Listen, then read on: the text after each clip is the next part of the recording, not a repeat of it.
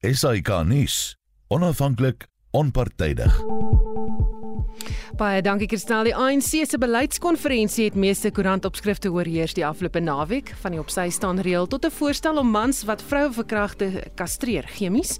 Ander goeie nuus is al die medaljes wat Suid-Afrikaanse atlete by die Statebond spele al ingepalem het en vandag is ook wêreld veldwagterdag, 'n dag waarin die harde en baie moeilike en gevaarlike werk van veldwagters in die kolle geplaas word. Welkom by Kommentaar. My gaste vanaand is die dekaan van Geesteswetenskappe by Akademia, professor Pieter Dievenage. Goeienaand. Goeienaand Susan. Dis al 'n lange besturende redakteur by Rapport. Goeienaand. Goeienaand. En uh, Dr Pieter Mulder, politieke ontleder. Goeienaand al die pad uit Potchefstroom. Goeienaand, dankie. Klankingenieur is Daitern Godfrey en ek is Susan Paxton.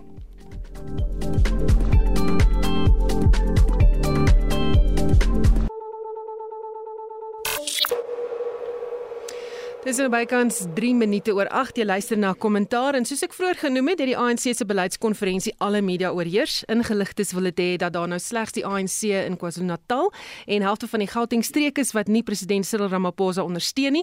Glo wou die teen Ramaphosa faksie die konferensie Vrydag en Saterdag ontwrig, maar hulle is nie toegelaat nie en gisteraand se perskonferensie was ook glo deur die groep ongelukkig gehou. Ramaphosa het 'n ruk gelede die konferensie afgesluit. Kom ons hoor gou-gou wat hy gesê het. We have discussed the respective and complementary roles that the public as well as the private sectors should play in developing our economy. We have recognized the vital role of private sector, particularly small business and the informal sector, including cooperatives. We've recognized that the private sector should continue to play a role in creating employment and other livelihood opportunities. Nou ingeligtes wil dit ook hê dat Ramaphosa nou sterker uit die konferensie gaan loop as ooit tevore. En uh voor ons nog gaan gesels oor wat Ramaphosa het gekry het, gewen het, verloor het, um dink ek Pieter Mulder en ek gaan praat Pieter Mulder en dan Pieter Dievenage van al die Pieters. um, dan jy was al in soortgelyke Legotlas en die gepraat. Jy het nou-nou verduidelik hoe dit werk. Miskien dalk net so 'n vinnige blik oor hoe werk hierdie gesprekke. Hulle sê demokrasie is 'n hopelose stelsel, daar's nie 'n beter een nie. en die groot vraag is of so groot kongres regtig oor tegniese sake kan besluite neem. So jy het 'n groot kwessie van manipulering agter die skerms wat jy nie sal raak sien waarskynlik nie. Ja, dit hier beslis ook gebeur. Met ander woorde, almal moet praat, hulle word in kommissies verdeel. Elkeen kry kans om sy sê te sê. Dan staan iemand wat dit saamvat in 'n sekere mate en dan is daar selfs iemand wat die besluite nog verfyn soos hulle sê. En baie keer kom die ding in daar by die verfyning waar allerlei goedjies ingeskryf word of mooi regte woorde gekies word om eintlik dit wat die leiers wil hê in 'n sekere mate te probeer as besluit kry. Nou eh, in 'n groot mate het Ramaphosa geslaag om baie van die goed deur te kry.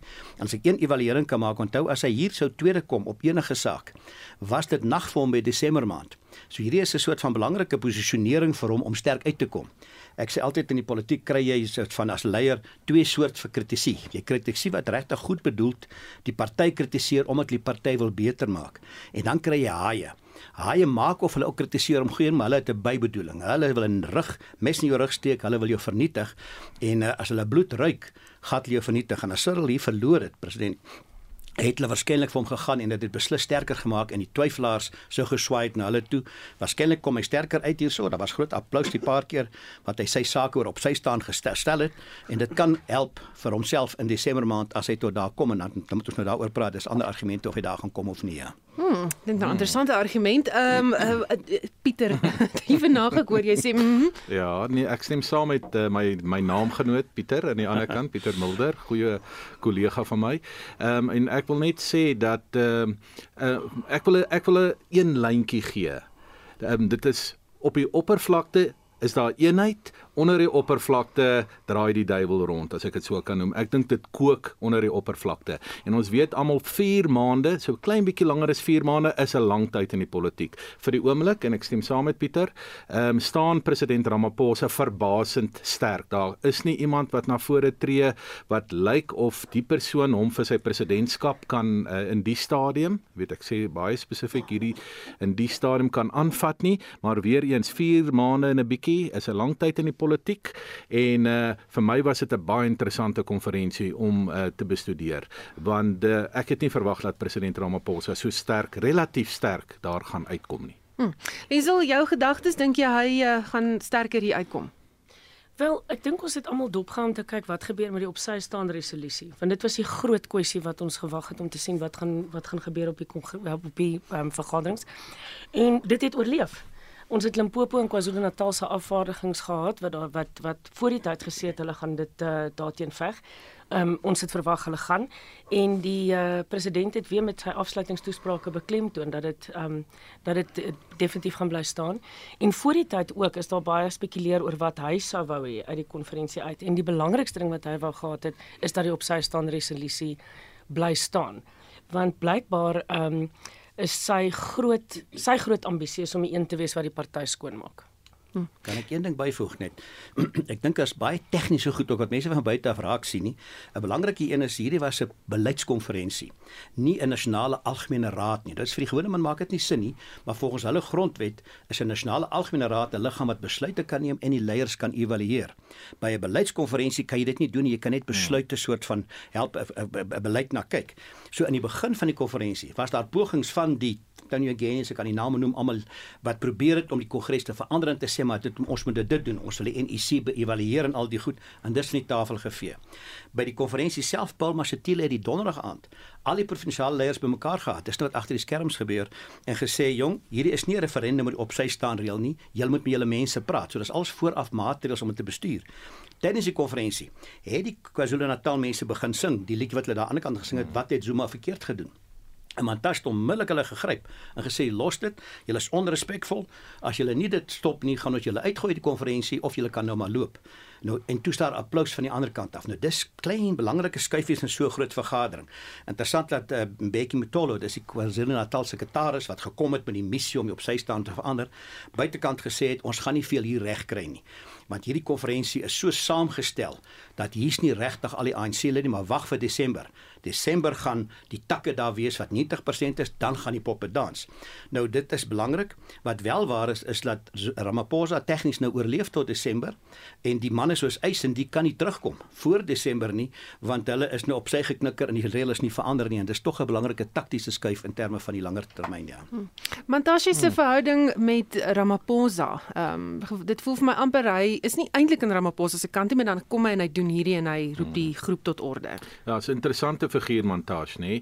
En ek sou sê of Mantashe ehm um, dat hy kom tog wel, jy weet, uh, as jy nou mooi dink Susan, kom hy histories uit die uh, weet uit die uh, nasionale mynwerkersvereniging, jy weet daai uh, vakbond en waar eintlik president Ramaphosa sy tande gesny het. So die verhouding gaan ver terug tussen die twee, dit's 'n komplekse ene, maar dit is vir my verrassend dat Gwet Mantashe by hierdie konferensie baie sterk na vore getree het en eintlik die sterk man was. As mens nou mooi kyk hoe hy die mense tot orde geroep het. Want is 'n paar dinge, net dit was natuurlik die op sy staande reël. Die ander ding is die grondkwessie wat mense weer wou geopper het en die ander een is die nasionalisering van die Reserwebank. Dis alles hoogs emosionele kwessies. Dit is vanaf 2017 dae.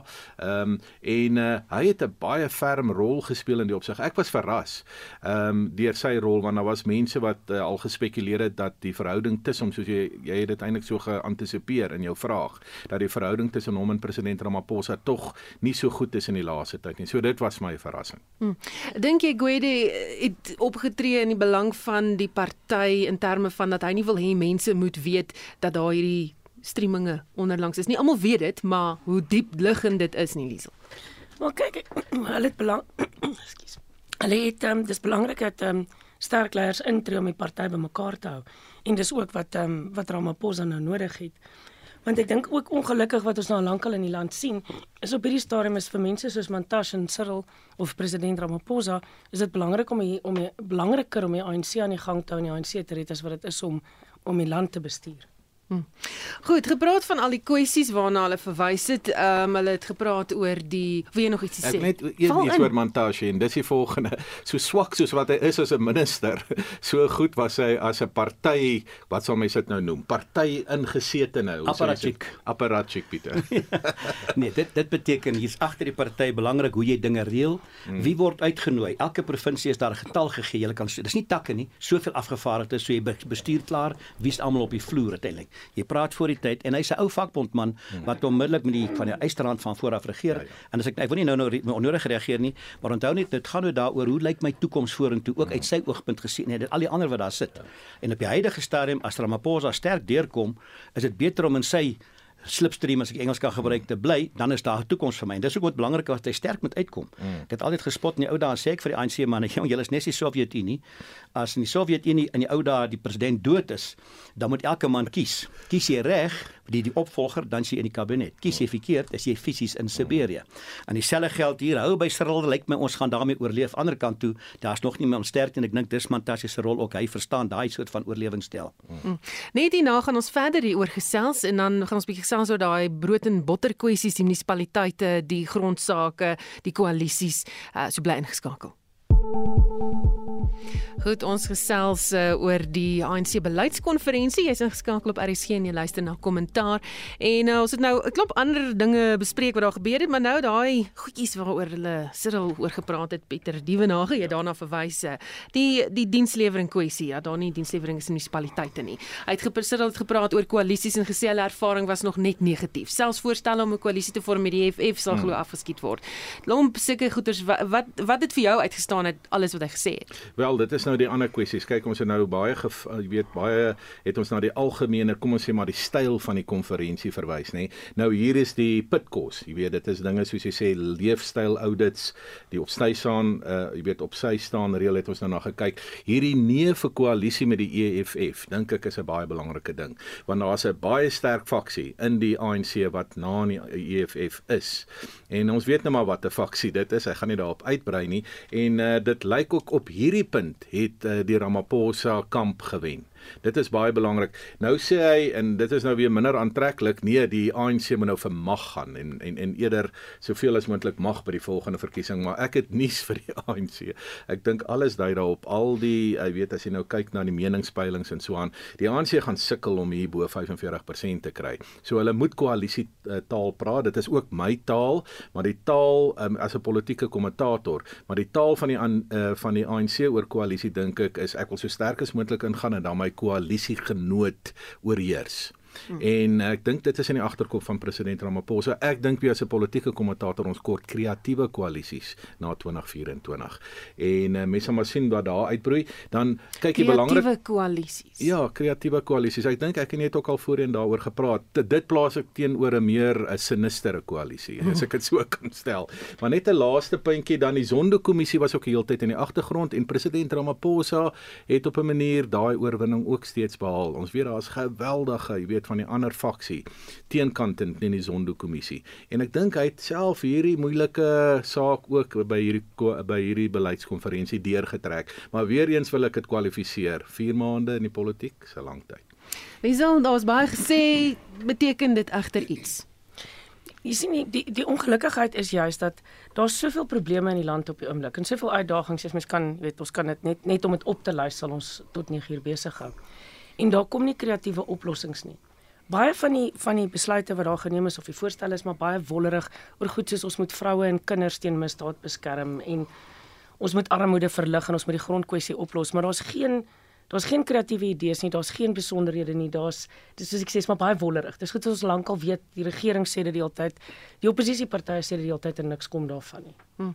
Pieter Mulder ek sien jy skud jou kop Ja, woorde, woorde, woorde. Dis 'n belangrike deel van politiek. Uh, my vak was kommunikasiekunde. Mense kom met woorde toer en almal praat en almal lyk geleerd, maar as jy begin die wol wegkrap, is daar bitter min agter.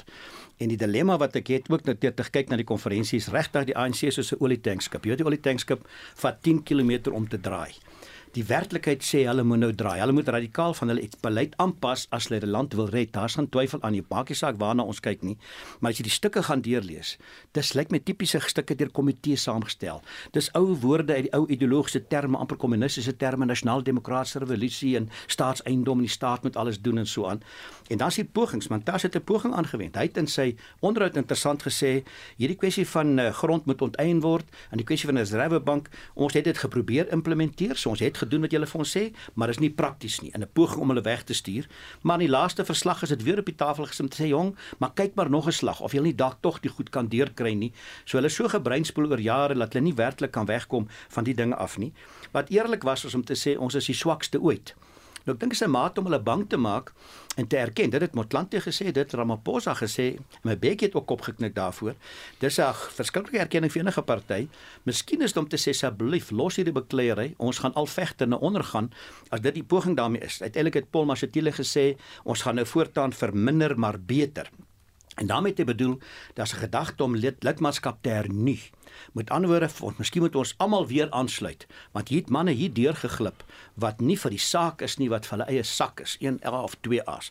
En hulle het ons bevoeder uiteindelik. En as ons nou hernuwing het en ons kan nou die hernuwing beteken nuwe lede kry, gaan ons 'n skoner ANC kry. Onthou nou al maniere om uit die moeilikheid van Zondo uit te kom is om te sê Zondo het ons nou sleg bevind, maar hier's twee ANC's. Hier's 'n slegte ANC van Zuma en 'n goeie een van Ramaphosa. En die Ramaphosa een wil hernu en jy moet vir hom stem en nie vir die ander een nie. Maar nou kom Palapala aan die goed wat 'n bietjie Ramaphosa in lastige situasie sit om die twee te skei en dalk met 'n hernuwing gaan ons nou die skoon mooi lede kry hoë kwaliteit wel bietjie binner en dit gaan ons vir die mense aanbied in 2024 sê stem vir ons ons kan die ding doen daarmee saam. Net skien 'n woord oor die koalisies. Dit is vir 'n politieke leier dom om miskien voor die tyd te sê uh, ek gaan verloor en ek gaan koalisies aangaan. Jy kan 'n aanduiding gee breedweg. Ek dink dit is verstandig. Ek is te gunste van koalisies as dit nodig is. Maar ek dink tot op hierdie stadium is dit reg om te sê ons wil alleen wen. Wat belangrik is binne-in is daar baie sterk gesê nie met die EFF nie. Onthou as hulle nou met die EFF koalisies wil aangaan, kan hulle hele klomp metro's terugkry. Hulle het net twee van die metro's eintlik van die 8. Die ander het hulle klaar verloor.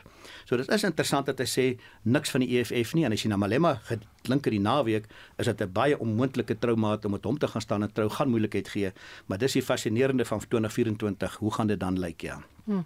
Dis al net so 'n laaste enetjie hier oor uh suursmaakie gelos deur die feit dat daar werkers is wat steeds nie betaal is nie en Kusatu wat nou vir die ANC daaroor die vingers moet tik en sê betaal jou werkers.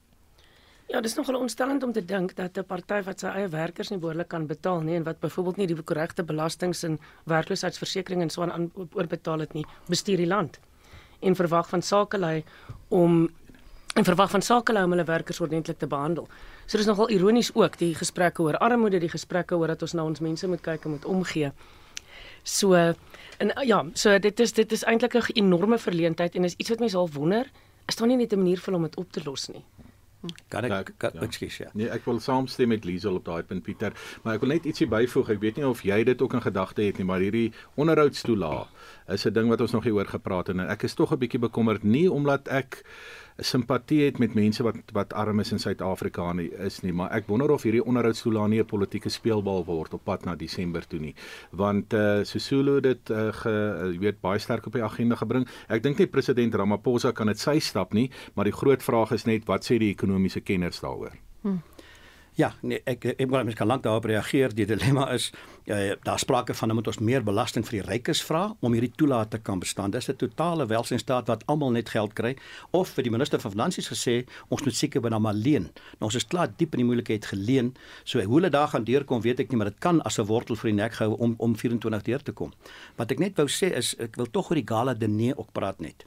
Die gala diner is altyd die woensdag aand voor die tyd. Dis wat my betref so aan die grens van korrupsie. Jy betaal 1.2 miljoen, dan kry jy 'n tafel met 6 sitplekke waar die president by sit. As jy 900 000 rand betaal, dan kry jy 'n tafel by die adjunkpresident. As jy dit kan doen nie, kan jy 'n titanium sitplek koop, dis 200 000, dan sit jy by sekere ministers en so gaan dit af. Die goedkoop ouetjie sit 5000, ek dink hulle sit daar agterin eet net chips of 'n ding.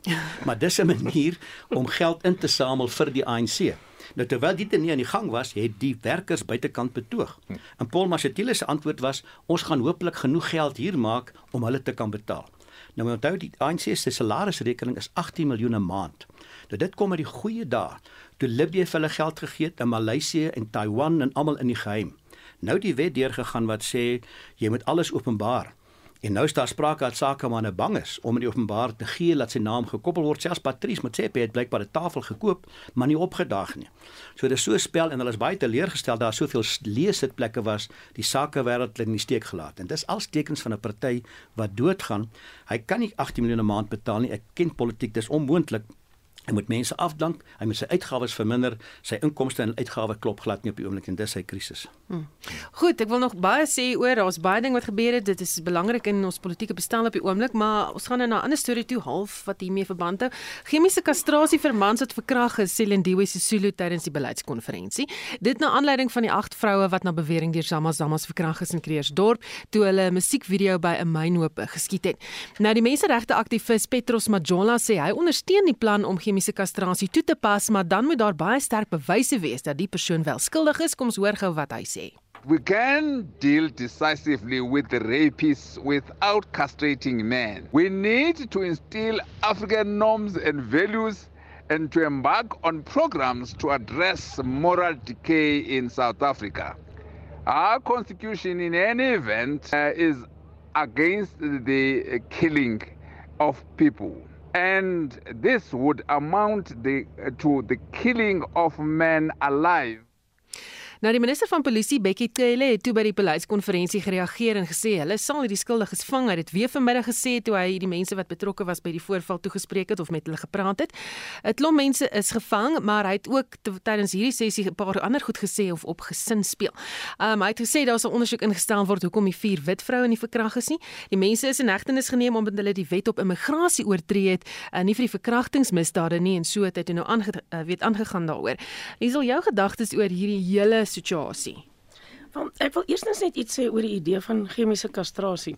Dis dieselfde soos mense wat beweer dat of wat aanvoer dat die doodstraf 'n uh, uh, verskil kan maak in die misdaadsyfers in die land.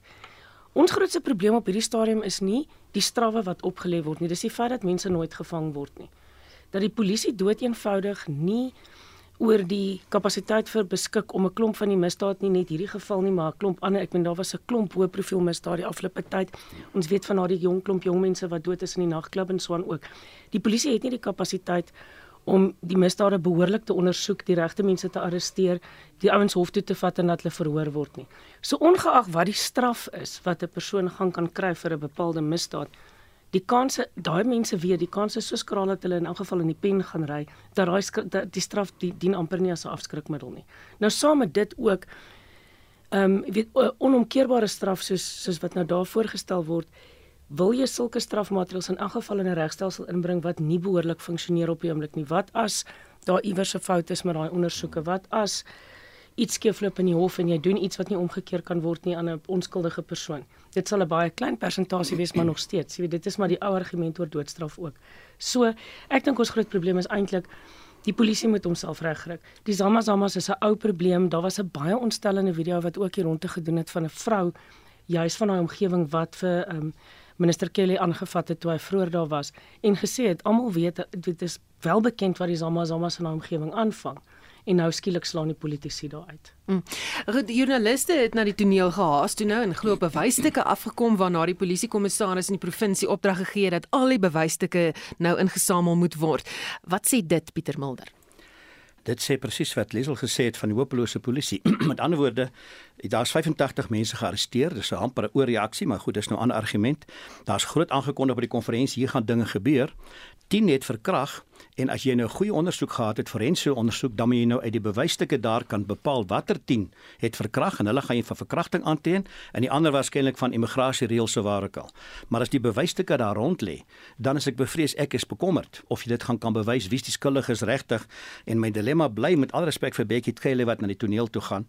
Jy weet in die ou dae en ek moet nou my woorde mooi kies voor 94 het ons tydjie grappies gemaak oor Pik Botha en gesê jong is Pik dood of is hy siek? Dan sê hulle wat 'n keer hy was nie gisterand op televisie nie. Nou Cele is elke aand op televisie. Hy storm na elke toneel toe. Hy is die minister. Die minister se taak is breë beleidsake, nie die daaglikse hier nie. Hy kan nie ondersoek daar gaan doen nie. Hy kan niemand arresteer nie. Hy kan nie forensiese ding nie. Hy trap net die plek sleg wat my betref, maar die media is daar. En dis my bekommernis rondom effektiewe polisie. Jy moet bewys na buite dat jy iets doen. Liesel is ook reg om te kastreer na die tyd. Hulle glo nie hulle gaan gevang word na die tyd nie. Miskien moet ek 'n laaste ding sê. Ek onthou ek eendag ek het vier dogters en een seun. En ek het een keer so 'n grappie probeer maak toe nou sy ANC vrouens moet sê jong, as ek net kon Lebolla eis het ek baie geld gemaak. En hulle het baie heftig daarteen gereageer en gesê dis juist die moeilikheid. Dat 'n man glo as hy ons betaal het, kan hy met ons maak wat hy wil. So dis iets van 'n ingesteldheid. Nie dat ek sê dit nie ook by Afrikaners en wites daar voorkom nie, maar 'n ingesteldheid van 'n vrou wat ek kan hanteer en vir daai kultuur nie verander nie. Gaan hierdie wat ek wil amper sê barbaarsheid nie ophou uiteindelik nie. 'n Kastrering gaan nie noodwendig dit wegvat nie. Hmm. Pieter Dievenage hmm. so 'n hals oor kop reaksie, 'n knee jerk in Engels hmm. in plaas van om die wortel van die kwaad. Swak polisieering en miskien 'n algehele wetteloosheid in die land op te los. Dis vir my die kern van die saak en dit sluit ook aan by wat my twee gespreksgenote sover gesê het. Jy kan hier bo by die simptome rondspeel, jy weet, en mooi stories maak en maar as jy nie na die wortel van die die probleem gaan nie weet dan dan help dit nie jy is besig met die simptome nie. En nou die wat is die wortel? Die wortel is ons is 'n wettelose samelewing. Ons is 'n samelewing waar politici nie verantwoordelikheid vat nie. Ons het 'n swak staatsdiens wat beide die polisie, die weermag en die intelligensiediens insluit en ek praat nie eers van die polisie se intelligensiediens nie. Hierdie goed is gehawend en as ons nie hierdie goed herstel nie en dit het vir my te doen met die hele ding van 'n professionele staatsdiens wat ek oor en oor op radio oor praat, een van my geliefkoeste onderwerpe. As jy nie 'n professionele staatsdiens het nie en in hierdie geval sal sluit dit nou absoluut die polisie in, dan kan jy praat tot jy blou in die gesig word. Jy gaan niks reg kry nie.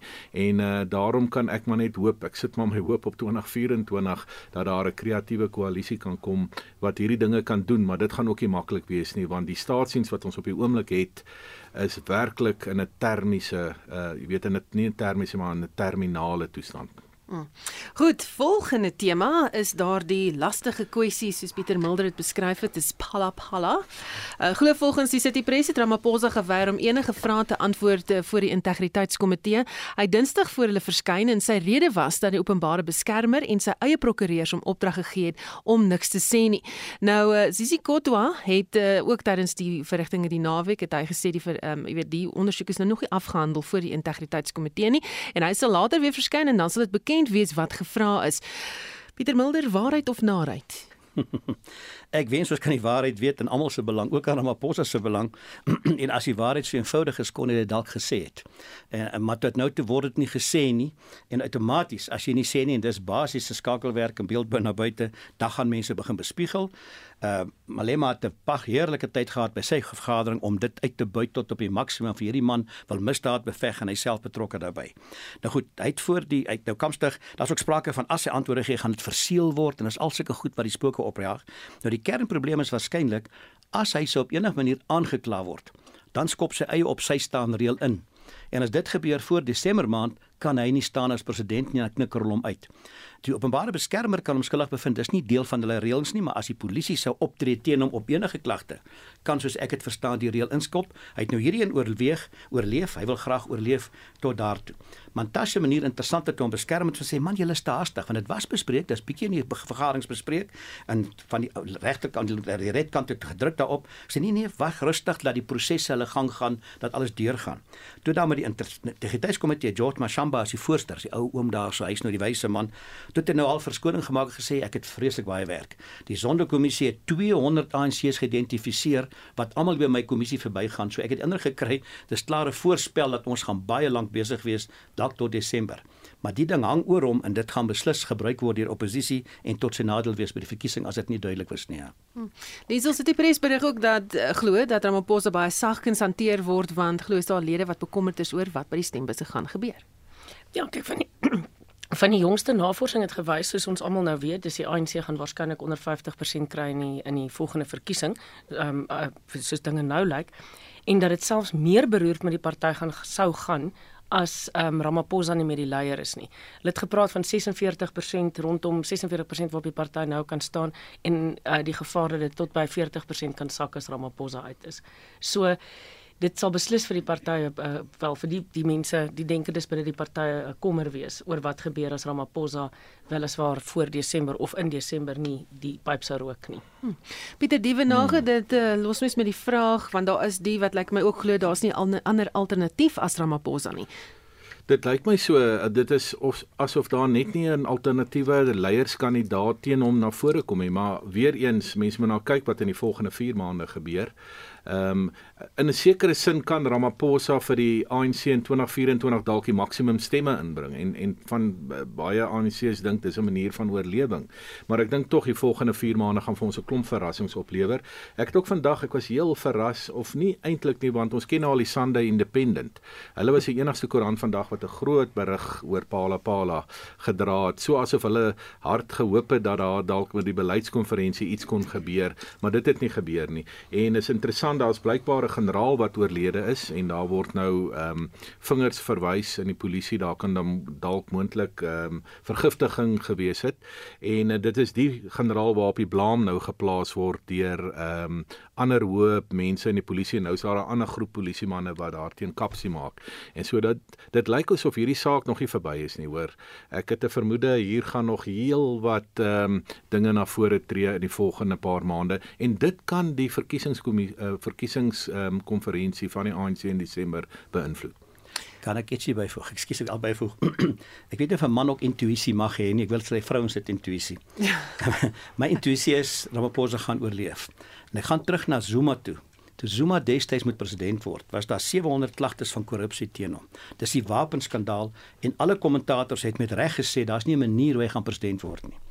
Ek het gesê gaan president word. My vrou, hoekom sê ek ek weet nie, maar ek luister na wat die ANC-lede rondom my sê. Hulle sê hulle gaan 'n plan maak. En dis die gekheid van die politiek baie keer. Die huidige sê hulle jong, ons het hom nodig. Ons gaan 'n plan maak. Wat dit is, uit 'n logiese oogpunt, uit 'n regsoogpunt, uit al daai oogpunte sien ek nie dat hy dit maak nie, maar soos ek sê, hulle het Zuma gered. Hulle gaan waarskynlik 'n plan maak om hom ook te red, maar ek weet nie hoe nie. Sou daar 'n alternatief moet wees? En nou dis eens vir elkeen van julle. Wie sou julle dink? Liesel, miskien nee, okay, goed. Pieter Mulder, begin jy dalk? Die interessante is Mkhize begin 'n kandidaat raak. Mkhize was 'n netjiese man aan Ramaphosa se kant in 'n sekere mate gewees omdat hy destyds van Natal was, van KwaZulu-Natal af. En as minister was hy nie onbekwaam nie, ongeag. Nou het hy die skandaal rondom hom wat hom uitgeknikker het. Maar my dilemma as ek nou moet kies tussen hom en mevrou Sesulu, want dis die name wat genoem word in elk geval. Uh, Jeffra Debe se naam is al genoem of moet jy terugval op die jongetjies? Dis Lamola en Paul Masatile. Hulle is regtig nog nie reg nie.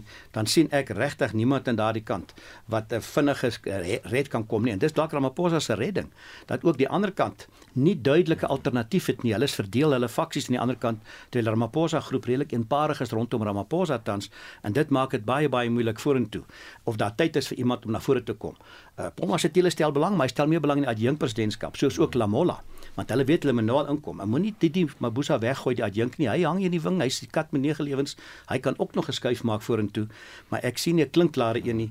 As ek op Marite moet oordeel, sou ek sê sal ek Makiese sit. Klink verskriklik nou of soos ek hulle herken het. Maar hy het nou hierdie korrupsie ding teenoor wat hom uiteindelik uitknikker daarmee saam, ja. Ja, hy, ja, hy die Natal agter hom kies en dis ja. maar altyd 'n faktor in die ANC politiek, maar ek ek stem tot 'n groot mate met Pieter saam. Ek kan nie iemand sien uh, op die oomblik nie. Jy weet, maar die oomblik is nou vanaand uh, 31 Julie. Uh, baie dinge kan gebeur. Uh, Mense moet ook onthou, kyk, die huidige top 6 is nou nie is nou net die top 4, nê? Mm. Met Jesse Duarte wat ook nou oorlede is. So daar moet groot uh, daar moet skuwe kom na Desember toe. Uh, maar ek dink um, ek dink self die teenstanders van Ramaphosa uh kan moontlik uh, vir nog vir Ramaphosa verduur om verskeie redes en dan dalk hulle ding vir vir 'n bietjie later beplan want uh, daar's net eenvoudig nie iemand wat op die oomblik na vore tree nie. Ek dink uh, Dr Mulder het 'n baie belangrike punt gemaak daar ook. En en selfs aan die ander kant, jy weet jou RET faksie, is daar nie 'n spesifieke persoon wat ons nou kan sê is die ou wat waarskynlik die president gaan uit uh, vir Ramaphosa vir leierskap gaan uitdaag nie. So daar is definitief 'n groter vereniging om hom as wat daar onder die vraagteken kandidaat vir die ander kant sou wees in elk geval. Ehm um, wat Mkhize aanbetref, ek meen mense was baie teleurgestel oor Dr Mkhize. Ehm um, hy hy was eintlik nog 'n baie goeie minister. Hy het baie sterk opgetree tydens die COVID die COVID tyd en so aan. So dit was 'n groot teleurstelling toe daai bewering steen hom uitkom. Maar Ehm um, ja, dis laat in die dag as mens sou dink dis die beste. weet jou beste kans is 'n of weet een van die beter kandidaate is iemand wat eintlik uh weet aangekla of of verdink word van baie ernstige korrupsie en dit die minister van gesondheid in die tyd van 'n pandemie. Hm. Ja, dit is interessant. Kyk, ek ek gaan altyd histories terug, jy weet, ehm um, uh, toe uh, president Mbeki het 'n sterk teenstander gehad, nê, nee, uh, Zuma. En en so Mbeki kon nie sy sy presidentskap kandidaat en hy het, hy wou self nog langer staan hier by 2009. Die interessante was by president Zuma se middeltermyn is president ehm um, Ramaphosa, oud president Zuma ingekies om hom in balans te bring. So ek verwag in Desember gaan die RET groep hard probeer in die top 6 om balans te bring vir die toekoms. Uh, dis wat gebeur het 'n paar jaar terug met Zuma en Ramaphosa. Ek dink hulle gaan hard monster om dalk die adjunk president of dalk nog uh, om 'n meerderheid by die top 6 te kry. Dit is die enigste strategie wat ek by hulle kan sien want Ramaphosa staan eenvoudig te sterk en ek dink ook Pala Pala gaan nie uh sy rol binne die ANC in daai opsig beïnvloed. Ek dink daar's uh um Pieter Mulder se intuïsie reg. Een een woordjie by sê net, daar is stories wat sê miskien moet ons terugval op 'n ou wyse man soos Motlanthe om om net die ding te oorbrug tot ons kan kies in elk geval. En dit is 'n interessante strategie. Hy sou nie te ver in die 70 nie. Selfs my Bekkie se naam is genoem, hy is in die 80 al. En dis 'n soort van van die manne wat nou soek na alternatiewe om te sê, miskien moet ons hom inbring. Hy's redelik neutraal tussen almal as dit dan op die krisis afkom uiteindelik. Ek het nie bevestiging daarvoor nie, maar ek noem dit net gooi dit in vir interessante opsie. Dit sal interessant wees om te sien wat uh, daai intuïsie of dit reg is of nie. Goed, volgende storie is die Mqobani verhore. Dit was nie normaal dat die openbare beskermer toe op daai stadium Bosisiwe Mqobani alleen met Ys Magashule moes vergader toe hy aan stuur was van die Etina projek nie of Estina projek nie. Dit het die OB hoof van die Vrystaat, Sipelo Samuel getuig die afgelope week tydens die verhoor in die parlement om die geskiktheid van die OB te bepaal. Hoe vorder die ondersoek na jou mening Liesel? Want ek moet sê dit was nogal skokkend om weer te sien wat daar uitkom rondom die openbare beskermer verlede week. En juist meneer Samuel wat uh, wie se getuies uh, getuienis mens nogal, jy weet, dit was nogal ontstellend. Ek meen die man was met siek verlof en toe hy terugkom toe is al van die politici se name spesifiek um Ysmagashule en um en um, Mosbeni Zwane se name is verwyder. En kyk, dit is in ek kon onthou toe die verslag destyds uitgekom het van die OB oor daai ondersoek, was ons almal verstom oor die feit dat hulle name nêrens genoem is nie. Weet dit was so al wat op dese aarde hier gebeur is tog algemene kennis dat hulle betrokke was. So ja, ek dink sy is baie diep in die moeilikheid. Hoewel sy natuurlik aanhou, weet, aanhou terugveg, maar ek meen met die getuienis wat nou weer in die, in die parlement uitkom, sal dit verstommend wees as sy um, as sy nou nie weet daar dopie finaal geklink word nie. Hmm. Darlene Pofu, advokaat van Mqobani het gesê ja. dat die komitee voorsitter die ondersoek baie swak bestuur en 'n heksejag voer teen haar. Ander partye het hom uh, verdedig, dis nou die uh, voorsitter van die komitee en gesê hy bestuur die ondersoek baie goed. Jou gevoel Pieter Liebenag? Ja, kyk, dit is nou maar uh, een van daai parlementêre komitees wat aan en aan kan gaan, maar ek het 'n vermoede ehm um, hier gaan dalk 'n uh, 'n bepaalde tydlyn wees. Ehm um, Dalian Pofu ken ons nou maar. Ehm um, hy's 'n tipe advokaat wat hou van hierdie tipe van ehm um, van uh hoe kan ek sê kalklig waarna hy kan staan. Mense moet natuurlik onthou hy's baie nou met die EFF, die RET faksie en dat Mqobani is is natuurlik deur oud president Zuma aangestel en almal weet dat sy in 'n sekere sin baie na ook aan daardie faksie van die ANC staan. En uh my gevoel is net dat ehm um, Jy weet, ek dink uh president Ramaphosa wou baie graag laat sy haar termyn uitdien. Ek dink dit eindig volgende jaar. Nou sit jy met haar hier voor die parlementêre komitee. Sy's eintlik aan die einde van haar termyn. Nou moet jy haar laat gaan. Ehm um, ek dink uh en dit het natuurlik daai Pala Pala verslag wat sy wou uitbring. Dit was nou maar net die die einde van haar. Maar ek dink ook nie dit hoef net Pala Pala te wees. Sy het alreeds so 'n lang baanrekord van iemand wat eintlik haar posisie en dit is 'n verskriklike belangrike posisie. Ons kan maar net terugdink aan Tuli Tuli Madonsela en haar uitsonderlike werk as ons openbare beskermer.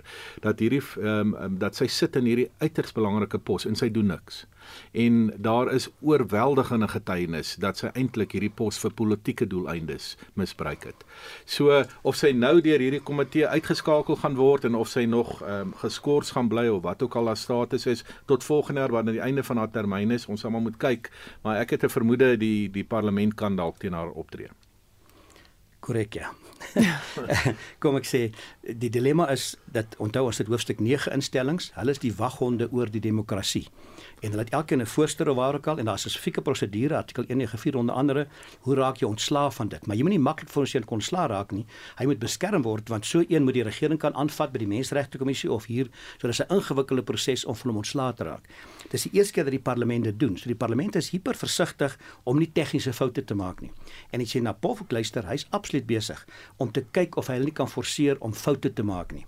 Uh, sy manier is om te sê ek gaan uiteindelik uitstap en ek voorspel hy gaan dit binnekort doen saam met haar en dan gaan hy wel hof toe gaan en te sê dis onbillike prosedure hierso en daarmee kan want die getuienis is so oorweldigend. Nou heeltyd dreig hy die getuie beweer hulle geloofwaardigheid afbreek. Jy's verkeerd, wat jy's gegrief van al die dinge. En dan sê hy maar mevrou gaan getuig met Bukeka net nou en sy gaan anders getuig as jy. Nou dis belangrik en dit intimideer my bietjie. My gevoel is daar's geen manier hoe hy haar kan toelaat om te getuig nie. As sy begin getuig en daai komitee uitmekaar trek, ek ken toevallig een of twee mense daar's 'n milder op daar. En uh, sy gaan tweede kom daarmee saam. So hy gaan baie mooi moet dink of hy haar laat getuig. So al manier is om uit te stap voor die tyd en te sê, "Jong, julle is onregverdig hier." Nou, interessant Vrydag was daar so 'n berekende poging wat ek gekoördineerd gelyk het. Daar het onmiddellik afgeskop die onregverdigheid, die voorstel is nie billik nie en die hele geveg daar rondom en julle se kangaroo kort wat baie ernstig die parlement daarvan te beskuldig, wat die lede baie heftig daarteen gereageer het en onmiddellik wie saamgestem die ATM. Dis manje se mense, die Zuma mense en daarna die EFF wat melyk is beplant gewees om so lank die klimaat te skep vir so 'n tipe stap. Die bietjie wat ek verstaan van die prosedure beteken dat hulle kan voortgaan, selfs al sal iets sou loop. Kan hulle voortgaan want hierdie is nie hof nie. Daai hanteer dit so of hier is 'n parlementêre komitee wat met ondersoek instel en 'n aanbeveling moet maak. So dit kan wees dat hulle steeds voortgaan en die aanbeveling maak en dan moet die parlement met 2/3 meerderheid stem. En as ek so luister wie almal lag voor is, dink ek dis 'n kwessie van tyd. Sy kan vir tyd speel, maar ek dink dit gaan oorleef op die lang termyn. Hm, dit klink vir my nou iets wat ons weer gaan dop uit die week om te kyk of daai voorspelling waar word. 'n Ander storie is oor Eskom. Die tesourier werk glo aan 'n plan om Eskom se skuld oor te neem of ten minste gedeelte daarvan sodat die krediteure of dit die krediteure kan paai. Maar ekonome en idee waarsku dat dit 'n klein groepie belastingbetalers se probleem gaan word en gaan misluk. Lesel, wat dink jy van hierdie plan? Kyk, die dilemma met Eskom is hy kan nie val nie uh weet so minstens wat ons daarvan hou die reddingsboeye wat deur die jare gegee is dis frustrerend maar Eskom kan nie val nie. Eskom is te belangrik. So daar moet 'n plan gemaak word om hulle skuld af te betaal en Eskom kan nie sy eie skuld betaal nie. So die enigste ander opsie sou wees om bates te verkoop wat natuurlik ander politieke implikasies het. As hulle nou skielik gaan sê hulle gaan Medupi of Kusile op die mark sit dis 'n privatiseringskwessie en dan jy weer groot drama van die van die vakbonde So ongelukkig hierdie regering wat ek wat my aanbetref nie veel van 'n keuse as om 'n plan te maak om hy skuld oor te neem nie. Ja, ek dink en ek luister graag na Liesel want sy is 'n kundige op die gebied. Kyk, vir my as politieke kommentator is die groot probleem dat ehm um, jy weet jy kan skuld uh jy weet hanteer maar aan die ander kant moet jy 'n operasionele plan hê want ek dink die regering se se gedagtes gaan al hoe meer aan om ten minste kyk hier's 400 miljard rand nee op die spel. Dit is nie klein nie en ek stem ook saam met Liesel, jy kan eenvoudig nie Eskom laat val nie. Dit is die kragbron. Dis een van die die belangrikste aspekte van 'n moderne staat dat sy energie daar moet wees sodat sy mense kan vooruitgaan en dat die staat kan vooruitgaan. En uh, ek dink om daai 400 miljard rand nou in 'n tipe van 'n kom ons noem dit 'n skuldpakket te hanteer deur die regering is een ding maar dan wil ek graag hoor wat sê die ekonomiese kundiges daaroor. Dit moet 'n tipe van 'n 'n um, plan wees wat wat die skuld aanspreek, maar dit moet ook die op, operasionele aard van ehm um, uh Eskom moet terselfdertyd gesond bly. En dit kan nie nie eenvoudig omdat dit nie operasioneel goed gaan met ehm um, Eskom, nou word die geld weer ingestoot in Eskom. Daar moet 'n baie baie rasionele en 'n besonde plan na vore tree wat my aanbetref.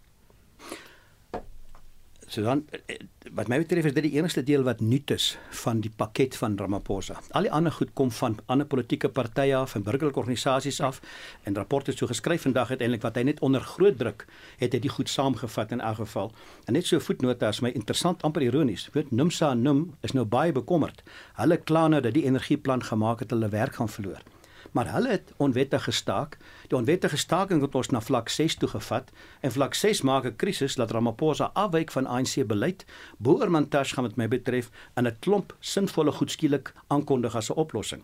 Nou die nuwe deel is hierdie dat tesorie miskien moet help met die terugbetaal. Dit is ingrypend, maar ek is bevrees ek sien ook nie baie alternatiewe nie. Hoekom nie?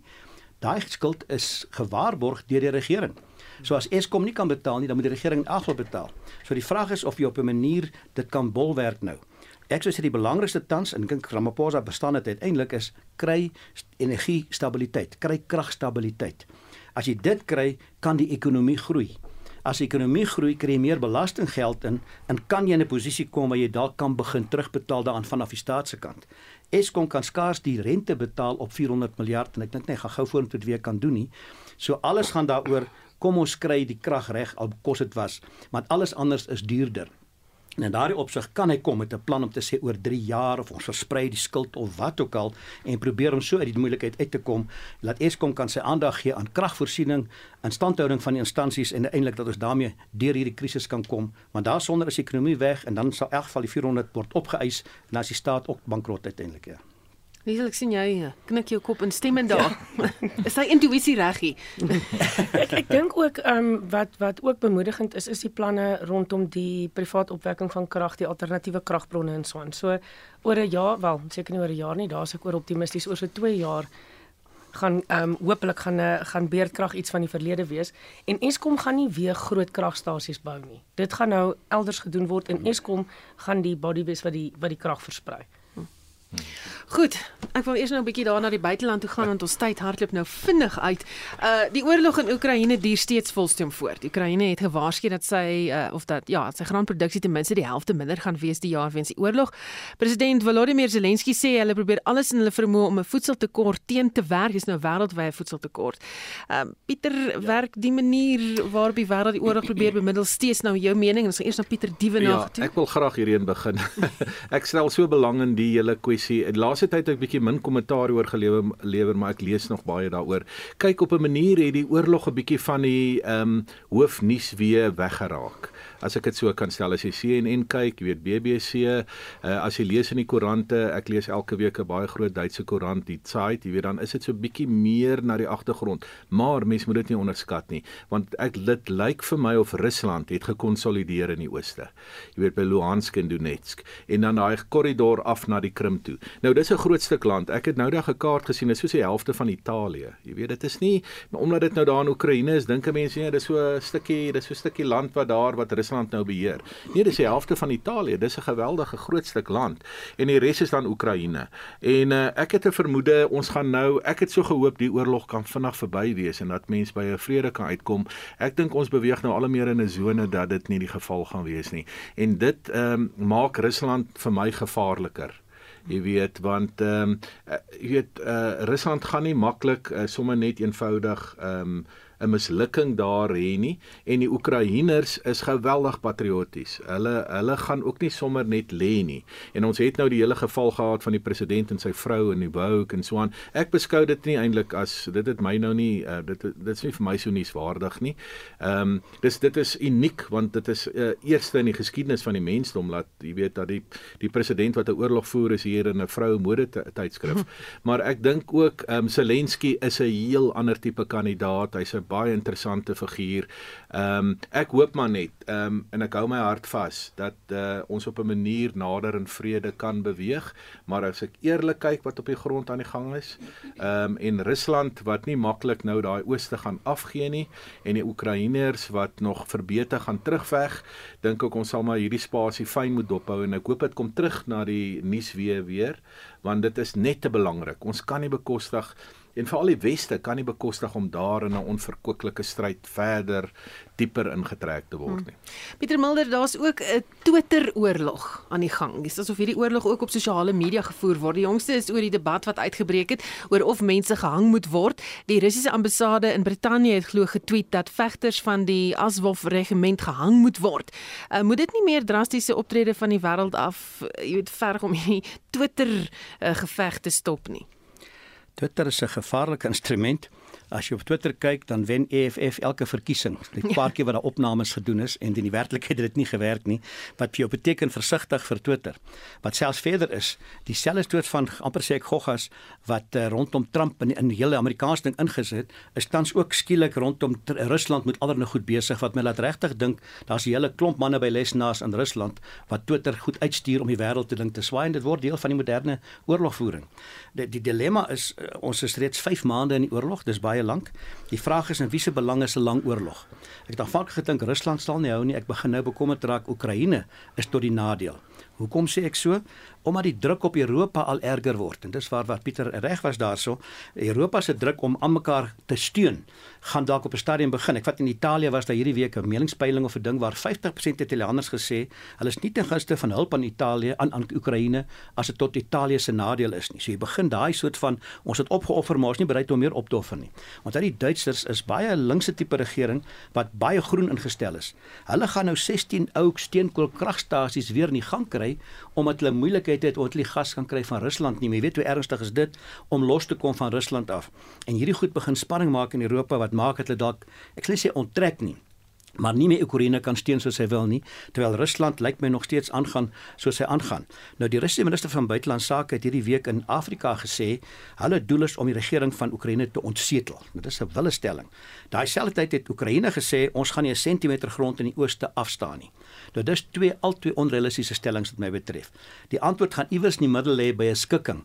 Wat daai twee goed as jy uiterstes vat in die middel by 'n skikking sou moet uitkom en iemand sou moet help dat hulle daarby uitkom, dalk 'n stukkie van die ooste afstaan, maar Oekraïne behou en daar kort nog so wyse wanneer of Europa sulke sterk leiers om dit te doen, lyk nie vir my op die oomblik so nie, maar dit is tot almal scenario dit so aangaan en die Russe lyk my oorleef.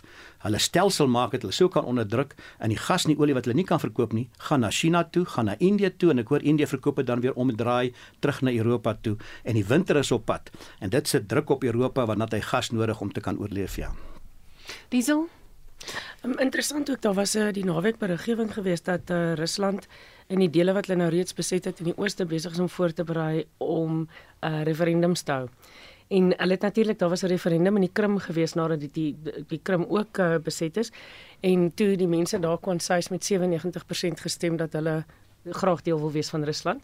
Daar's baie vrae oor daai referendum, maar die feit dat staan dit wys jy nou maar wat uh, Rusland se langtermynplan daar is, is dat hulle is nie van plan om net weer te verdwyn nie. En uh soos Dr Mulder nou ook gesê het natuurlik weet die ander kwessie is dat die Oekraïne ook nie lus is om terug te staan nie.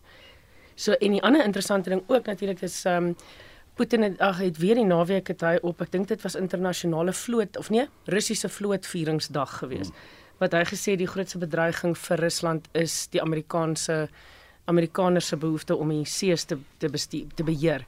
So ek dink ons het ja, mens die groot gevaar met Europa is as hulle gaan bes gee hier en as groot dele van die Oekraïne weliswaar dan nou deel sou word van Rusland onder watter omstandighede weet onder selfs met referendums later is wat gaan Putin volgende doen Mm. Onvoorspelbare situasie. Net 'n laaste voetnota ehm um, uh Susan, ek dink die vir my wat my altyd bekommer oor hierdie oorlog is China, nê. Nee, ons praat nie oor China nie. Dit sit in die agtergrond. En ek dink al hoe meer as jy ook kyk na die Russe. Ek was in 2019 het ek hier voorreg gehad om nou daarom voor die oorlog. Ek sal nie nou gaan nie. Maar was ek in Moskou en my gevoel was die Russe neig na die weste as jy nou na die gewone russe kyk, hulle wil westers wees, nê? Nou sit jy met twee westerse eintlik, kom ons noem dit maar 'n uh, breedweg uh westers georiënteerde groepe wat teen mekaar veg. En in die stilte is China in die agtergrond. En dit is iets wat ek nog altyd die hele tyd in my politieke kommentaar op beklemtoon. Want ons het 'n geopolitiese ding en dit is tot die nadeel van die weste eintlik as jy diep uh jy weet agter die skerms en as jy nou jy weet ehm um, agter alles jou oordeel vel. Hmm. Goed, julle almal verwys na die FSA, klomp dinge wat daar ook gebeur en dit het met betrekking tot oud-president Donald Trump. Ehm um, die aanklaers in die FSA is gereed om voormalige withuisbeamptes te dwing om te getuig in die oor die Januarie 6 gebeure. Die ondersoek is volstoom aan die gang en oud-president Donald Trump staan sentraal daarin.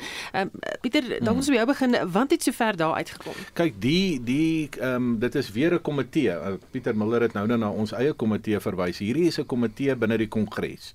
Uh wat nou al hoe nader aan oud president Trump beweeg, nê. Nee? Daar's klomp uh, getuienis wat ingewin word en die demokrate is baie skerp met hierdie ding want hulle rek hom uit. Ehm um, want hulle wil eintlik ehm um, nou wil ek sê professor Trump, dis beslis nie wat hy is nie. 'n glips daar. Ehm um, maar oud president Trump is iemand wat ehm um, nog steeds geweldige steun het binne die Republikeinse party en hy was nou ook die afgelope week in in Washington nê het hy daar 'n groot toespraak gelewer. Dit is interessant dat hy Washington DC gaan kies het om sy toespraak te lewer. En ek dink die demokrate is baie bang ehm um, dat uh jy weet uh veral met die midterm uh jy weet verkiesings wat nou in November is hier 2022 en dan natuurlik die verkiesing in 2024 is hulle bang dat hy 'n terugkeer kan maak want kyk die omstandighede vir die demokrate is ook nie baie goed nie. President Biden doen glad nie goed nie. Hy het baie lae ehm um, uh, jy weet uh presentasies as dit kom by hoe gewild hy is in Amerika. En uh, president Trump of oud president Trump het die vermoë om charismaties uh, te kere te gaan en hy kan weer 'n uh, 'n faktor wees. Nou dink ek die demokrate probeer hard met hierdie komitee in die kongres om die dinge te verander uh, en uiteindelik dalk hom ook in te roep om as toe kom getuig, nê. Nee, ek dink dit bou op in daai rigting. So dit word eintlik ook 'n sepie van 'n aard Uh, maar dit kan um, oud president Trump knou as hy dalk groot aspirasies het vir jy weet die presidentsverkiesing in 2024. Pieter Mulder Ek dink dieselfde soos hier by ons is die parlement nie hof nie, maar hy skep die indruk van 'n hof. Maar ander is 'n kampstig hof wat die hele saak verhoor, maar agter dit sit politiek. Demokrate beheer die komitee. Hulle sonder twyfel besig om hom in te katrol. Die getuienis is nie goed vir hom in die algemeen wat daar gehoor word nie, en ek dink die doel is om hom uit te knikker. En die moontlikheid is baie beslisnis. Dit is nou ook maar wensdenkery dat by die Republikeinse leiers begin daar vraagtekens kom en een of twee klaar gesê jong, ons wil hom nie as kandidaat hê nie, hy gaan vir ons 'n verleentheid wees. En dit kan net wees en dis dalk 'n droom dat nie Biden of hy presidentskandidaate is volgende rond toe dat ons 'n nuwe gesig te het aan albei kante soos dinge nou vir my lyk daarmee saam en dat hulle hierdie gaan gebruik om Trump te moeilik te maak. Wat waar is, hy's baie gewild by die gewone ou hier onder waar Amerika swaar kry met 'n 9% inflasiekoers en al sulke soort van ekonomie is daarmee heen. Biden is ongewild en Trump probeer op daai golf ry en die vraag is of hierdie komitee hom gaan uitnikker of nie. Diesel die para in jou keel gaan hy jou toelaat om nog ietsie te sê hieroor. ja, my 'n laaste 'n laaste ding. Ehm um, daar was ook nou weer onlangs in Amerika 'n paar peilings gedoen om te kyk na die gewildheid van die moontlike kandidaate waar meer as die helfte van Amerikaners gesê het hulle wil nie vir Biden of vir Trump uh weer as kandidaat sien nie. Want soos uh ja, Biden het nie 'n maklike termyn nie. Hy is die oudste president wat nog ingesweer is. Hy het gesê as hy gesond genoeg is, wil hy weer staan. Dit beteken hy gaan in sy 80's ingaan as president. Hmm. En nou ja, uh, baie mense het ook gesê dat hulle is hulle is nie gereed vir Trump weer nie. Maar ek ben ja, Trump se se verkiesing in die eerste plek was 'n was 'n redelike verrassing. So mense moet hom seker nie ehm um, te veel onderskat nie. Goed, dan voor ons groet daar's ons so 2 minute oor. Ehm um, en ek gaan die vraag na jou toe gooi, uh, Pieter Mulder. Prins Mangosuthu Buthelezi het ook die afgelope week 'n toespraak gehou oor die Afrikaner en die Zulu se gemeenskaplike geskiedenis toe die Voortrekker Monument die Zulu olifant onthul het. Wat het jy jy het na die toespraak geluister? Wat het vir jou uitgestaan daar? Jy het vinnig kan Dit was my tog belangrik en ek sê hoekom dit vir my belangrik was. Ek het nou weer van Malema geluister. Malema het ja rasse gevoelens op op 'n baie erg. Hy praat van 'n revolusie wat die witte sal teiken en dis nie goed wat ons nou regtig wil hoor nie. En in kontras daarmee kom Botelesi, hy is oud 94 93, maar as 'n wyse soort van kom ek sê elderleier en hou 'n interessante toespraak. Onthou dit gaan oor 'n olifant. Ek wil nie al die detail nou gee nie. Kom van die Dani die Jager Trust af wat die olifant geskenk het aan die voortrekkerment. Hulle sit hom daar op die trekroetes wat die Zulu koning voorstel en Boetles is gevra om daar 'n toespraak oor te hou. En hy sê dis vir hom 'n baie belangrike simbool van die goeie verhoudinge tussen Zulu en Afrikaner. En dan gaan hy in die geskiedenis in wat ek en hy baie gekuier het, maar dit nou openbaar sê oor die goeie verhouding tussen Panda, koning Panda, sy oupa oupa Grootjie en die voortrekkers en hy verduidelik wat gebeur het. En dan spring hy na Dini Zulu toe wat sy eie oupa is koning Dinizulu en vertel hoe generaal Louis Botha Dinizulu uiteindelik gehelp het om in beheer te kom destyds toe hulle hom uittrek en hoe uiteindelik Dinizulu in die tronk gesit is deur die Engelse in 1906 met die Mambato rebellie en die oomblik toe Louis Botha eerste minister word in 1910 eerste ding wat hy doen is haal die Zulu koning uit die tronk uit. Nou die feit dat Bothelesi dit sê om die vriendskap ook in die verlede aan te toon het ek gedink is tog belangrik. Ek en hy het langs mekaar gesit in die parlement ons het by Kwazak saamgewerk en ek weet hy sê die goed maar ek hou daarvan dit in openbaar sê en is 'n goeie tyd om dit te sê dat Malema bietjie kennis neem. Dit was nie net oorlog en haat ons hele geskiedenis nie. Daar was ook goeie verhoudinge in die verlede. Baie dankie. My gaste vanaand hier op kommentaar was Dr Pieter Mulder, politieke ontleder. Ons het ook gesels met Liesel De Lange. Sy is die bestuurende redakteur by Rapport en ook die dekaan van Geesteswetenskappe by Akademia Professor Pieter Dievenage. My klankingenieur Daiter Godfrey. My naam is Susan Paxton. Dankie dat jy saamgekuier het.